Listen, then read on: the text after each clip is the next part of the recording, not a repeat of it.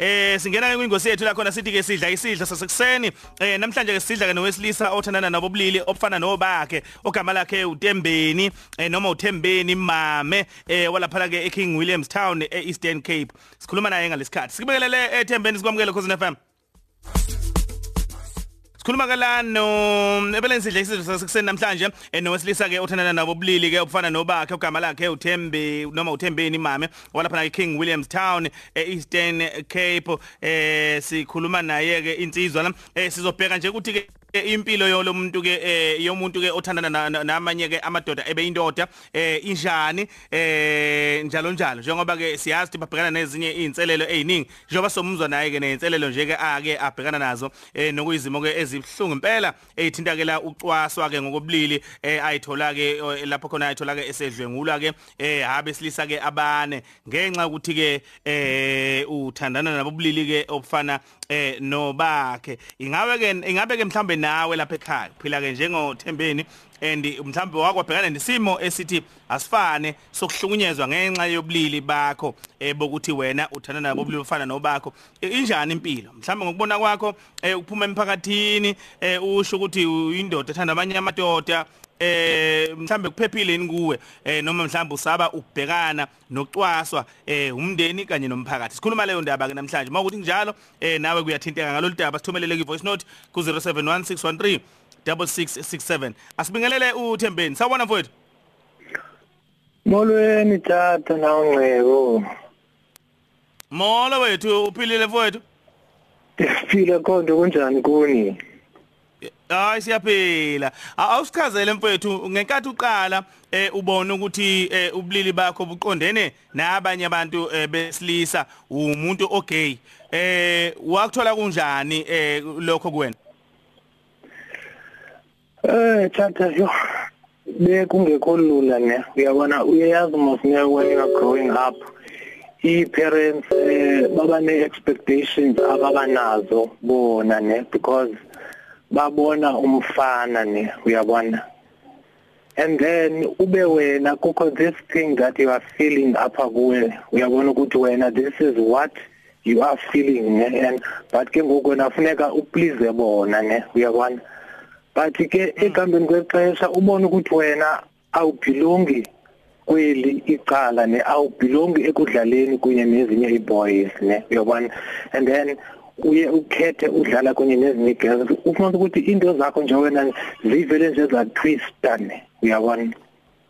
mm and and then ke ngoku ufumanise ukuthi ke ngoku you know bakhona ke ezinye some naughty stuff ebezidla ngokusenza ebezidla ngokuzenza ah kumani kuzoreport ukuthi uthembeni wenze oku benze benze into ezimdaka and all that and all that you know uyabona but uzobetha almost nengumzali ukuthi why are you why are you doing this ma'am why are you doing this and then nasesikolweni ndabona ukuthi hayi ngoku mna i'm totally different from other people ne uyabona and ke ngoku ne abantu iyazi ke abantu bazawuquestiona ukuthi wena why lento uclean kunabanye abantu ne uyabona ukuthi izihlangu zakho ziyashayina and then wena ibhuko yakho yaza yabanezembe and all that yeah uyabona and then ke ngoku mina bendingakwazi uhlala kunye nezinye iboys because most of the time bendihleli ndihleli kunye nezinye girls ne uyabona and then ke ngoku nasekhaya izinto zavele nje zatristeka because eh umama wami but now she they, eh, they are both late um, umama notata and then umama she always encountered me ne uyabona ukuthi ekwenzeni all the house chores ne uyabona she knew very well ukuthi mm -hmm. I can do cleaning, I can do washing, I can do the cooking. We are one because I only have one sister. We are one. And then yeah, yeah that's it, yeah. Mm. nokuyezwakala mfowethu so ke eh, um, um, uma ngabe abanye emphakathini kuyaba omakhelwane basezwile ekhaya ukuthi kwaba kanjani bakumukela kanjani bona um uyabona ne mina ne ngizawuthetha ngami ne mina uh, uh, mina i'm one mina ndi i am very much withdrawn ne uyabona as compared to other gay guys ne uyabona because uh, no one can tell ukuthi mina nje i am gay yabona not unless ba wena maybe you happen to see me with lo muntu ndizabe ndihamba naye ngelo xesha okanye mhlawumbi okanye unibone mhlawumbi kulo activity ezobe ikhona ne okanye ibe ndim ozawuxelela wena ukuthi le into eyenziwa ndimi uyaqonda or sometimes ufumanise ukuthi abantu they will gossip about it ne uyabona and then ke you know most of the time ke manje i don't even entertain into a gossip and all that because at the end of the day ndiyazi ukuthi almost it is about me not about other people 29 minutes to 9 kwonomsakazo cause molo bhuti njani Ngiyaphila siswa makhondo kunjani ndiphilile nto yakuthi um ngiyazibuza la buthembeni eh, ukuthi um enye into abantu abaye babe nenkinga yayo um ngabe mhlawumbe umuntu othola ukuthi ugay owesifazane noma kowesilisa ile nto hmm. baye bathi coming out um mhla uqala ubonje yabona lento lesekufanele mangiyikhulume mandithethe lenyani Hmm. eh umuntu wokuqala owakazi ukuthi ube nesibindi sokuthi ukhulume naye um, umxoxele ngoba uzothola ukuthi omunye umuntu uhleli lento uyayicabanga uthi Jehova ngizotshena bani mangimtshena ngiqala ngapi uzothini hmm. uzobuza ngizothini avela abantu aze kuthini kunokuthi ngilokho ngixaka angivele ngithule uyabona uyabona ke mina ke yami yavele yathi come out in a very in a very bad way because mm-hmm. um, umuntu lo ndandithandana naye ne uyabona um yena ne waye bisexual ne uyabona mm-hmm. and then umuntu lo yena wakhe ipartner leyakhe yayi female ne uyabona and then mm-hmm. when she discovered ukuthi ilantuka yakhe you know wayithandana kunye nami that's when ke ngoku usisi she blew the whistle ke ngoku ne uyaqonda mm. though it was mm. painful for me but in a way waye wanginceda ne uyaqonda mhm yeah that was when ke ngoku the news started to bazihambe ne uyabona and then ke mm. ngoku sahamba sahamba sahamba sahamba and then you know it was very painful because zathi zazofika even nakwi nakwi parents zami ke ngoku ne uyabona that was mm-hmm. when ke ngoku kuba kubi kakhulu ne uyabona because you know um even my siblings ne uyabona zange zange bayithathe kakuhle ne uyabona because Mm -hmm. the way abantu respecta ngayo ngiyabona because kule mina I'm the eldest ngiyabona so they the way abantu respecta ngayo because even omnye wabo he ended up uttering something ukuthi no no no no no you can't be my brother kaloku wena because of A B C D and E uyaqonda mm. ufumana ukuthi ngoku this anger okanye this this ignorance yabo abanayo mm. they filtered it down to even nakwi nakubantwana babo ne uyaqonda ukuthi mm. lona ne is like this is different to us ne uyaqonda and then ke ngoku that was when ke ndabona ukuthi hey i'm having a problem ke ngoku ne mm, uyakhona mm, mm. then ke but ke ngoku ne i have to go back to the drawing board ne uyakhona because kaloku ne this is something new to them ne uyakhona mm-hmm. and then ke ngoku i have to accept myself qala so that nabo bazobona ukuthi nami i'm very comfortable in my mm. own skin i'm very comfortable mm. in my choice as well Mm. Ngengobhuti ithetha ntoni lento for things ezi traditional amasiko eh xa kufika elo xesha lokuyapha ebhoma xa nihlelbuke ebuhlanti ithetha uthini yes ke mamela ke ne uyabona ke even even naleyo ne uyabona because akho nto akho nto itshintshayo ne because mm -hmm. I I I I am still uThembeni. I'm still the man uyaqonda. Mm -hmm, mm -hmm. Because there is a distinction between uThembeni kunye ne choice yami ne uyaqonda. So these are two different things ne uyaqonda. Because mhm, kwakufuneka mm -hmm. ndenze izinto ezifuna my masculinity ke ngoku I go ne uyaqonda. Then mm -hmm. i-choice nayo yami nayo it goes nayo as well ne uyaqonda. Mhm. Mm mhm. Mm yes. ake sikhulume ngalethanda ukuthi be sensitive but eh sibonge nje ukuthi ukwazi ukuthi uvuleleke kuthina eh usiboleke isikhatsi sakho eh, ukuthi uxoxe ngento ebhlungu kangaka eyakwehlekela eh le mm. ekwehlekela manje ke ngesikhathi kukhona ababona ukuthi bona bavumelani nempilo ephilayo ngalokho makube ukuthi baqondisa ubugwegwe masingase sibeke kanjalo ngokubona kwabo wazithola usuhlukumezeke ngaleyo ndlela yes bekungo July ka 2016 ne bendisebenza Cape Town ne uyaqonda so um I was coming from work ne uyabona and uh, ngoku uh, ndivela emsebenzini it was late so I was waiting for i transport ke ngoku ne iboss yam yathi kum izakuthumela i transport ba izondipick up ne uyabona and then ngoku ndabona ndiyapanika and kule ndawo yindawo esemahlathini like le ndawo inale training center le uyabona and then i started to panic ngiyabona ukuthi i know kuya kuba late because the transport ayidifike and then waphinda wafona wathi i-transport izafika around 9 yabona no kaloku around 9 because apha ngoku i'm the only one who was left there yabona so nakona okay let me start walking maybe i will get ilantuka in i-transport yabona so le area ndandikuyo ingasegoodwood e-cape town because mina ngisuka ngase n1 city umuntu oyaziyo i-cape town then i was walking and as i was walking i saw these guys they were following me and then i was carrying this laptop and then they were following hey and i started to yabona there was something that was not adding up ne yabona and then up until xa sawufika apha ngasestation apha ngase and then they started to ask me all these funny things and I started to yabona ngikona ngokudoyika ne uyabona and then I said guys I don't have money and all that and then bona they were it was not all about money to them yabona because the only thing that they wanted from me bathi kume wena khulula ne babe sebebiza lo magama abo khulula ne uyabona oh my god and i said no no no no no and i said they said to me khulula and then ndakhulula and nabo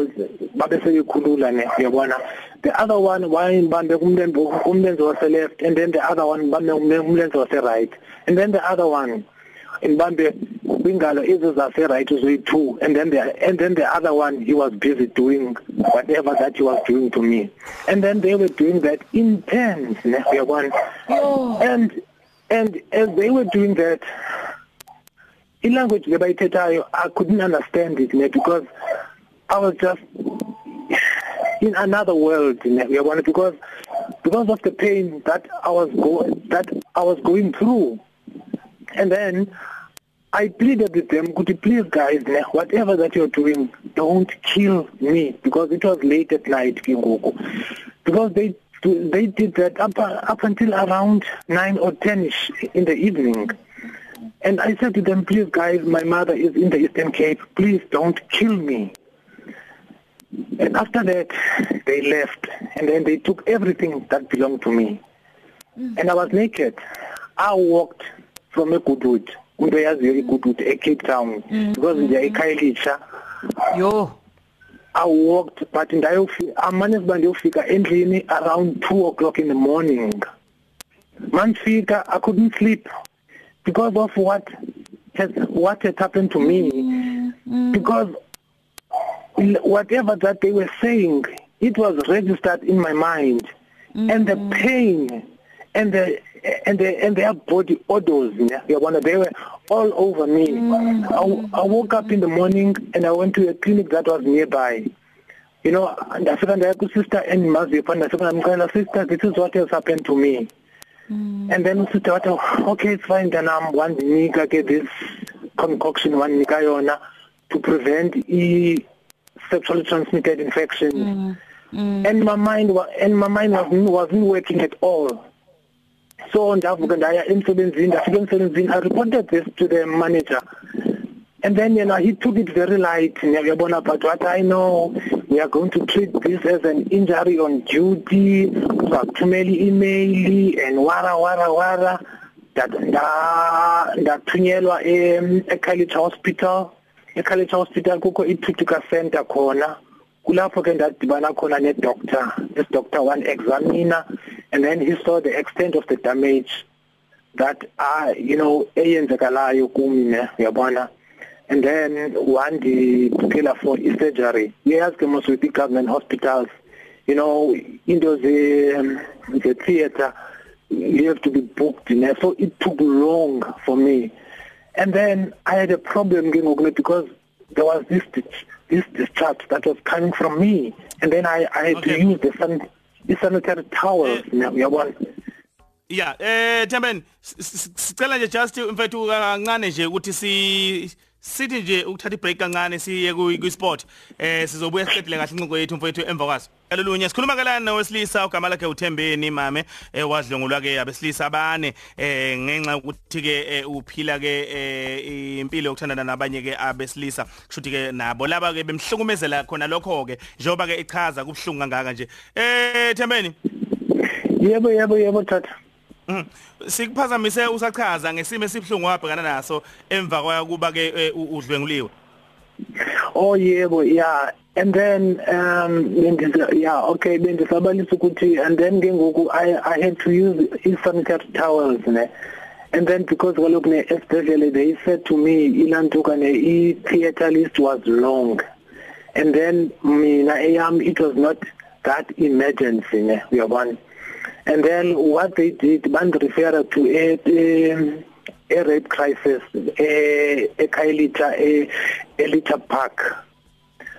So I met with this councillor khona one day wayenza ke this session uyabona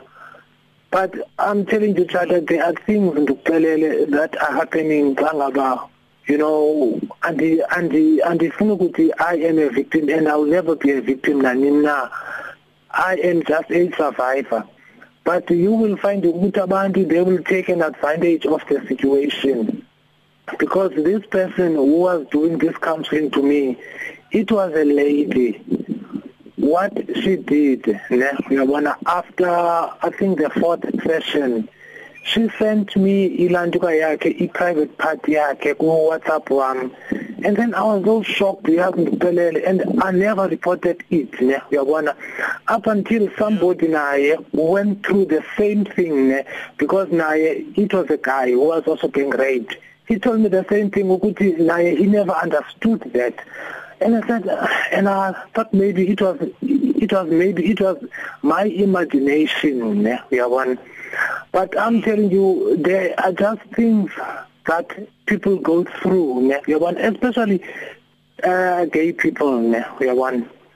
and then I went through that session up until ndabona ukuthi nake no okay uh, at least now andisafani nangoku yakuqala but zona ilantuka i I couldn't sleep at night ne so I had to use the tranquilizers that were prescribed by the doctor and uh, a friend of mine in Joburg uzimkhitabata I told her that uh, Zim, the, I'm having this problem. And then I asked the doctor for i-transfer. Kulapho ndasiwa khona ndaya e-, eLeratong Hospital. E-, eLeratong i-operation it was done immediately and I couldn't wait you know, because because of the pain that I was going through because if I'm wearing my pants as upper back umuntu ne could see ukuthi umanzi uyabona because of the juices that were, that were coming from me because of the the damage that happened apha kum and i went for this surgery and the surgery was done yeah and then uh, yeah that was it and then i went back for another psychotherapy again because uh, you know with e-rape it takes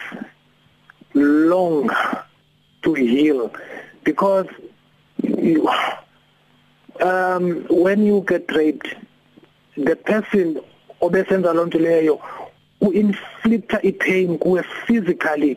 spiritually and mentally and then ke ngoku kubhlungu ba iphume apha kuwe ne because you have got so many questions why me and you know and then when you can't answer those questions and then but